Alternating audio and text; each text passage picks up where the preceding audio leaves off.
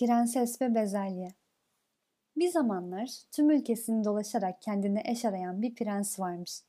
Uzun yolculuğunun sonunda şatosuna gidip anne ve babasına gezip dolaştığı yerlerde gönlüne göre bir eş bulamadığını söylemiş. Prens öyle bir eş arıyormuş ki güzel, güçlü, kibar, gerçek bir prensesin tüm inceliklerine sahip olacakmış. Bir akşam şiddetli bir fırtına anında şatonun kapısının çalındığı duyulmuş. Prensin babası kapıya bir uşak göndermiş.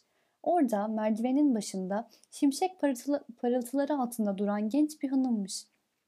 Ben prensesim demiş hanım. Kendim ve uşağım için sığınacak bir yer arıyorum. Arabamız bozuldu.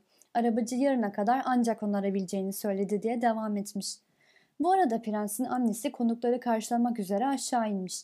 Kızın çamur içindeki elbisesini beğenmemiş ve gene de kızın soylu bir aileden gelip gelmediğini anlamaya karar vermiş.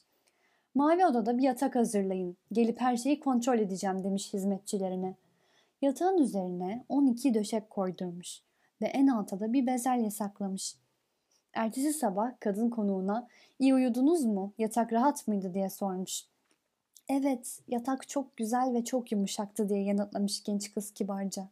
Öyle yumuşaktı ki en alt döşeğin altındaki sert bir şeyin varlığını hissedebildim. Bu sabah onu buldum. Bir bezelye. Bütün gece beni uyutmadı diye devam etmiş.